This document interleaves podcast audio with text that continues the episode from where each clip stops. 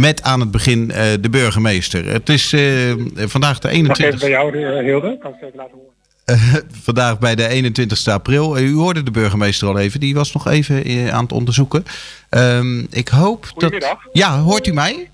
Ja, ik hoor je heel goed. Ja, ik was u hoor je mij ook? Ja, ik hoor je ook. Ik hoor je ook. We hoorden je al heel even toen je uh, iets aan het uitzoeken was daar. Ja, hoor je ook de muziek op de achtergrond?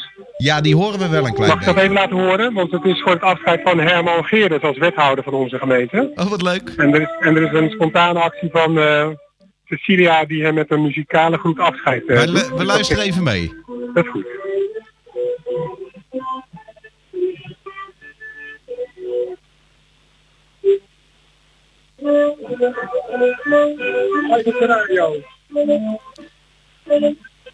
Voor de mensen ja, dan hoort u daar een uh, kleine muzikale groet vanuit Cecilia aan onze vertrekkende wethouder. Ja, leuk, leuk. Want het is bijna 1 mei, hè? Het is een, bijna 1 mei, dus dit is de laatste collegevergadering waar uh, Herman Geerdas ook uh, zelf aanwezig was. en daarna mag hij een weekje rust nemen voordat hij met zijn nieuwe job, job begint. Mooi, mooi, we waren erbij. En uh, ik neem aan allemaal wel anderhalve meter afstand, of niet? Absoluut, anderhalve meter afstand. Hè? Want dat, u heeft het mij de afgelopen drie weken horen zeggen, iedere dag. En ik houd ook vol. Uh, we zijn in spannende afwachting van wat de premier vanavond te vertellen heeft. maar vooralsnog alle richtlijnen die vanuit het RIVM worden gegeven, houd afstand, anderhalve meter, is echt van belang. Ja, we, we hoorden net al even in het, um, uh, in het journaal. Er was al wat uitgelekt van het outbreak team. In ieder geval ja, van het over advies. Het onderwijs. Ja, over het onderwijs. Ja. Dus dat betekent dat in ieder geval de scholen zich mogen gaan voorbereiden op um, om de dag uh, leerlingen in de klas. Of in ieder ja, geval heel, de helft van de klas. Ja, we hebben daar, u hoort het applaus vanuit het college.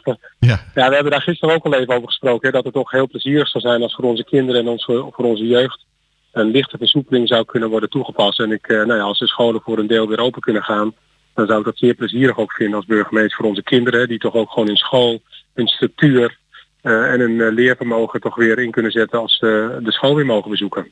Ja, dat, en het viel me ook op dat u als burgemeesters gezamenlijk het eigenlijk ook even opgenomen heeft voor de jeugd. Want u heeft als collectief, de gezamenlijke burgemeesters, hebben geadviseerd om iets te doen voor onze jongeren die er toch moeite mee hebben om zich aan de regels. Precies. Nou ja, wat wij als burgemeester natuurlijk gewoon meemaken in onze gemeente in heel Nederland. Uh, wij spreken onze mensen, we zien onze inwoners, we zien hoe de jeugd ermee omgaat. We worden ook veel aangesproken door ouders van kinderen. Uh, dus die ervaring hebben we als burgemeesters mee willen geven naar het, uh, naar, zeg maar het landelijk overleg. Zodat ook het kabinet met de juiste gegevens aan de slag gaat. En nou, het zou mogelijk kunnen blijken dat ze goed naar ons hebben geluisterd. Daar lijkt, uh, ja, daar lijkt uh, misschien naar geluisterd. Uh, nou hoorde ik ook, dat, dat was in datzelfde bericht van de NOS... dat de verpleegtehuizen en de, de verzorgingstehuizen... dat die het strenge regime nog even vol moeten houden. Dus voor onze ouderen betekent het minder goed nieuws. Namelijk dat ze nog geen bezoek mogen ontvangen. Ja, ik, ik moet dat even afwachten wat, wat de minister-president vanavond daarover zegt. Uh, aan de ene kant snap ik dat heel goed, maar ik heb ook ontzettend veel uh, gevoel voor uh, wat dit betekent voor de ouderen zelf, maar ook voor hun familie, hun kinderen die niet bij ze op bezoek kunnen komen. U weet inmiddels dat ik daar zelf ook hinder van ondervind door ja. niet bij mijn oude buurvrouw op bezoek te mogen gaan. ook niet toen ze afgelopen zondag 94 jaar werd. Ja, dat doet wel pijn. Hè? En dat is goed dat voor familieleden van ouderen die in een verpleeghuis zitten of een verzorgingshuis, dat deze maatregel heel erg hard aankomt. Maar hij is genomen om ervoor te, te voorkomen dat er meer ouderen ziek worden. Dus nou, dat is de enige reden waarom ik er wel begrip voor op kan brengen. Het is kiezen uit twee kwaden. Ja, precies. Ja, uh, uh, dilemma. Maar wel de dag dat er uh, mogelijk enige verandering in komt. ik, ik heb nog niet helemaal goed begrepen of dit nou de 28ste ingaat of met ingang van volgende week. Ik heb dat ook geen, niet goed uh, meegekregen nog en ik ben gewoon altijd wat voorzichtig. Hè, dus ik wacht even wat uh, de premier vanavond uh, vertel, te vertellen heeft. We zitten, we zitten allemaal om zeven uur aan de buis gekluisterd. Ja, nou dat, dat gaan we weer met veel belangstelling doen. fijn dat u er vandaag even was. Ik stel voor dat u er terug gaat taart eten voor het afscheid van meneer Geerders. En, ja, misschien mag ik nog één, mag ik nog één ding, ja, hè, want we hadden ja. het over onze jeugd.